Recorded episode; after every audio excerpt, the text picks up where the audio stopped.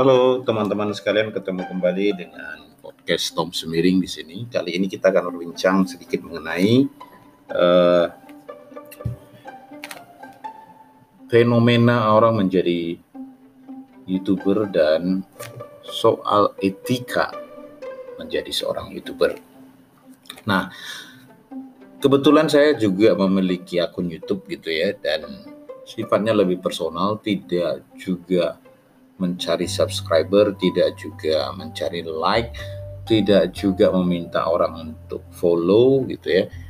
Yang sifatnya lebih untuk dokumentatif saja. Nah, dalam hal ini saya tidak memandang diri saya sebagai seorang YouTuber karena saya tidak menggunakan YouTube sebagai sebuah media yang uh, rutin saya pakai dalam menyampaikan gagasan atau mempublikasikan kreasi saya. Bagi saya, seorang youtuber itu adalah seorang yang memiliki dedikasi dan juga atensi serta uh, keinginan untuk terus berkreasi, menghasilkan karya-karya yang kemudian dipublikasikan, gitu ya.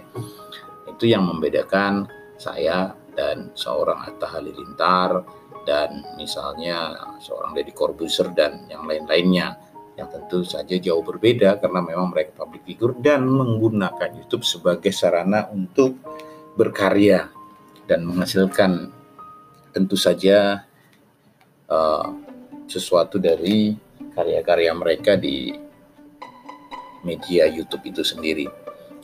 Nah, dalam hal ini YouTuber itu sudah menjadi salah satu profesi tersendiri, mengingat uh, media YouTube sendiri menjanjikan independen independensi dalam berkarya dan juga uh, memberikan penghargaan bagi mereka yang karya-karyanya direspon baik oleh publik, uh, mulai dari diikuti oleh publik, ditonton dan sebagainya.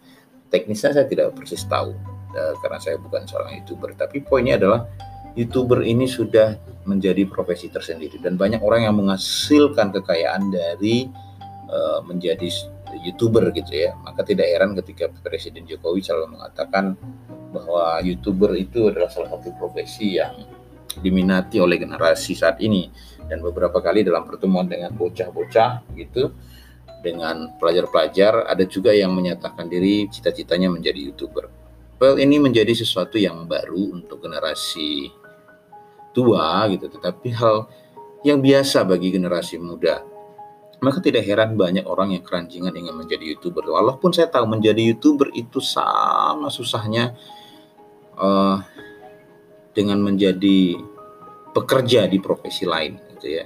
Bahkan saya hanya untuk membuat podcast yang rutin saja sekali seminggu ini belum tentu, sehingga ya untuk menjadi youtuber itu diperlukan dedikasi tersendiri.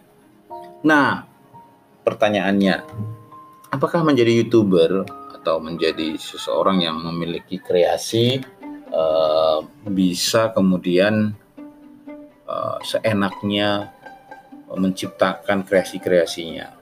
Orang cenderung sekarang bisa menciptakan prank dan sebagainya untuk menarik uh, viewer dan menggait lebih banyak uh, followers gitu ya.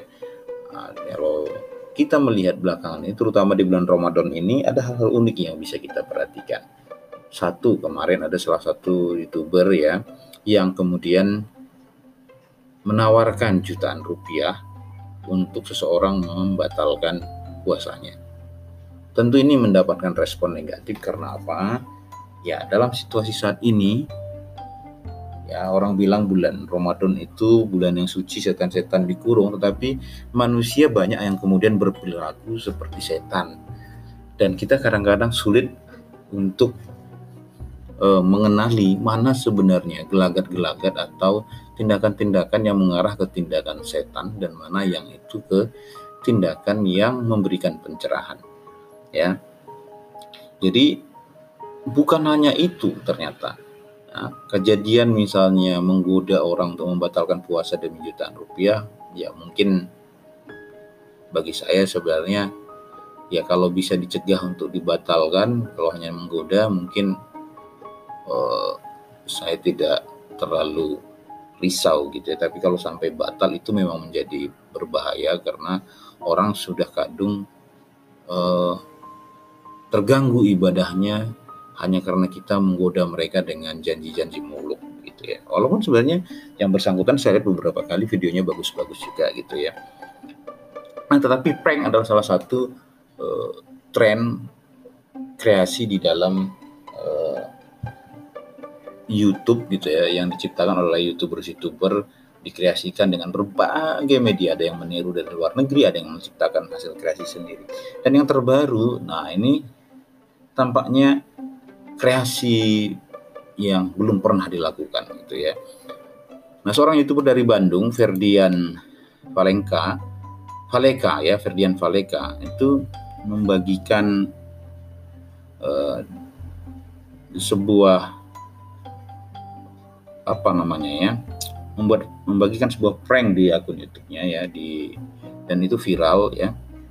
Jadi Ferdian Valeka ini beberapa saya amati eh, konten-kontennya sebenarnya lebih banyak berkaitan dengan dunia-dunia malam yang ya mungkin itu yang dia maksud dengan konten-konten yang absurd gitu ya menurut dia yang memang salah satu dari uh, fokusnya dalam menciptakan konten-konten yang absurd. Saya beberapa kali lihat dia misalnya uh, menggoda PSK, menanyai tarif PSK dan sebagainya, yang kadang-kadang menurut saya itu ya sedikit bukan sedikit ya, tapi memang menjijikkan gitu ya.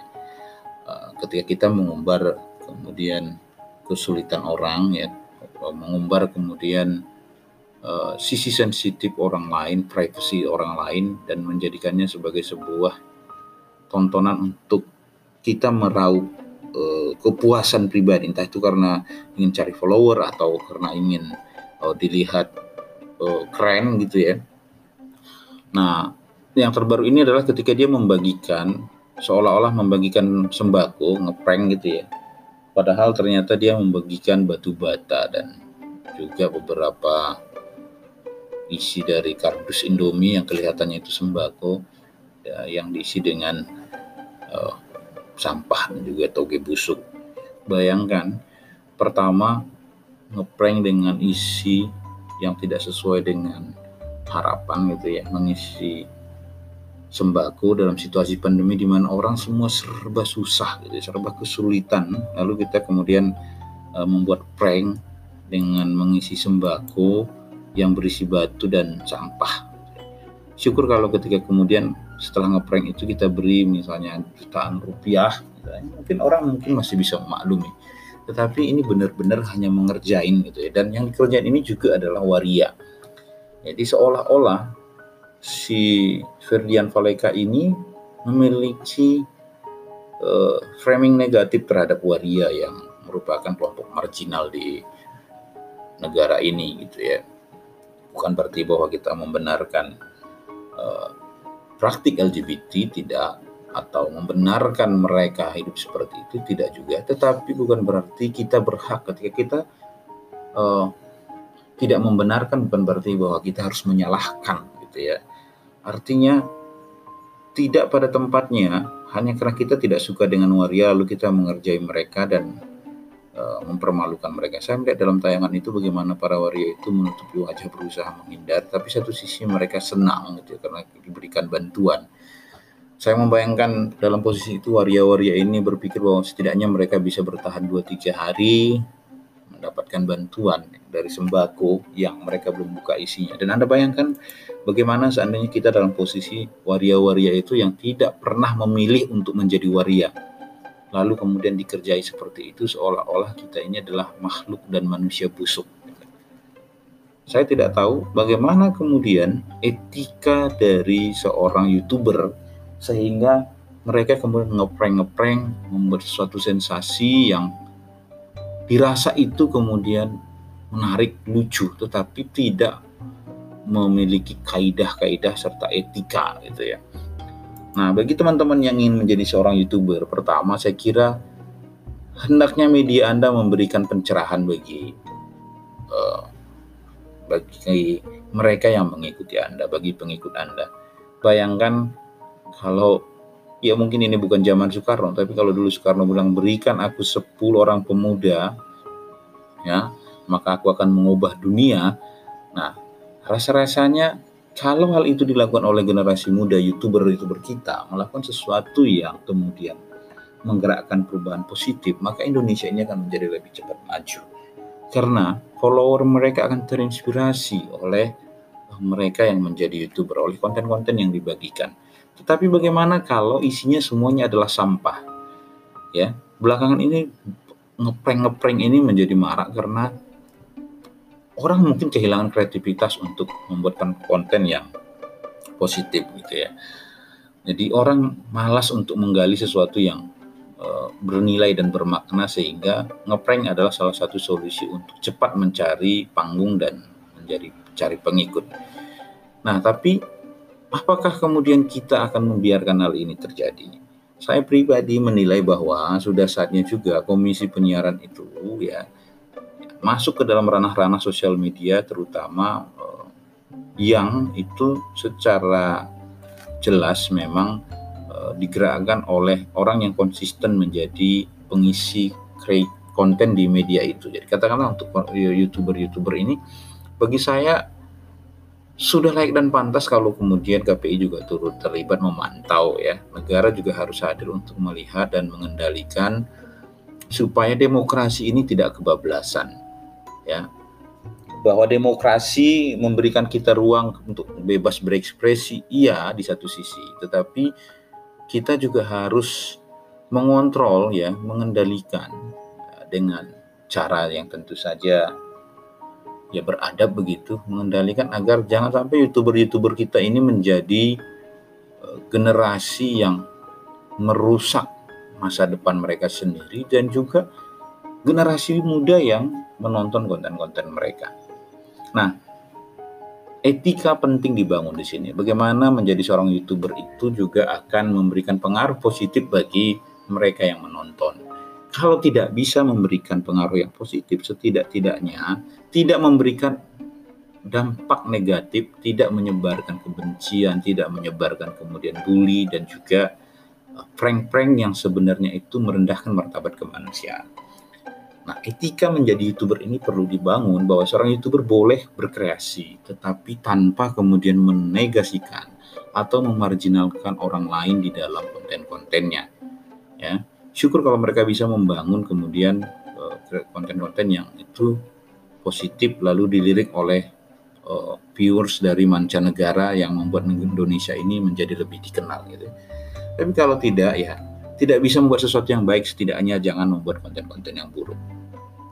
Saya ingin memberikan perbandingan kalau Anda pernah uh, melihat tayangan seorang anak menelpon ibunya yang mengatakan ndak usah mulih le. Sing penting THR mulih ya. Tentang seorang nenek ya atau seorang ibu yang berakting gitu ya berakting mengingatkan anaknya agar tidak pulang ya tidak pulang kampung ya. Tetapi cukup THR-nya saja yang dikirim pulang supaya baik si anak maupun si ibu di kampung bisa sama-sama sehat dalam situasi pandemi ini.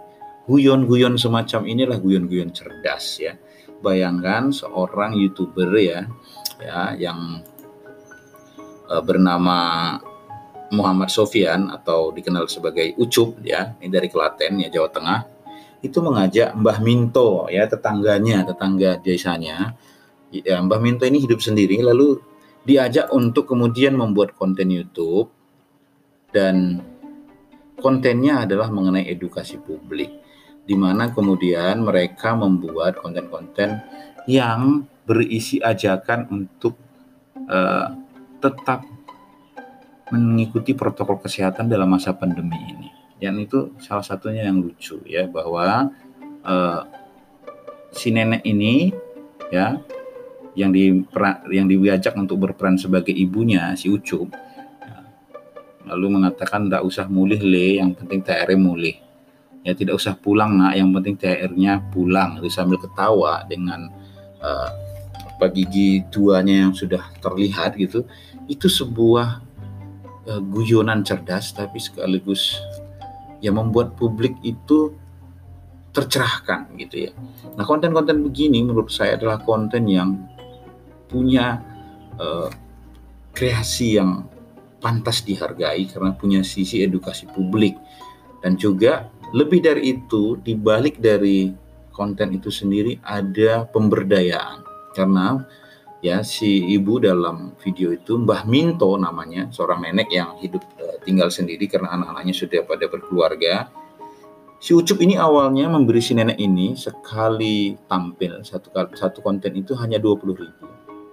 Ya mungkin karena si Ucup ini belum punya modal dan sebagainya dia hanya meminta si nenek melatih, mengikuti dan melafalkan uh, apa yang perlu disampaikan. Dan si nenek itu mengikuti. Hasilnya lucu.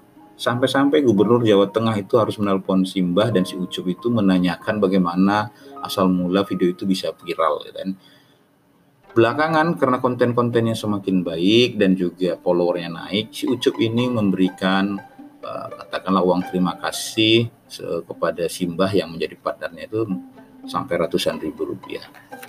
Nah, saya kira ini yang harus kita tiru, ini yang harus kita ikuti. Jadilah YouTuber yang berkreasi terus-menerus tetapi juga memberikan nilai-nilai edukasi bagi publik. Jadilah YouTuber yang punya etika.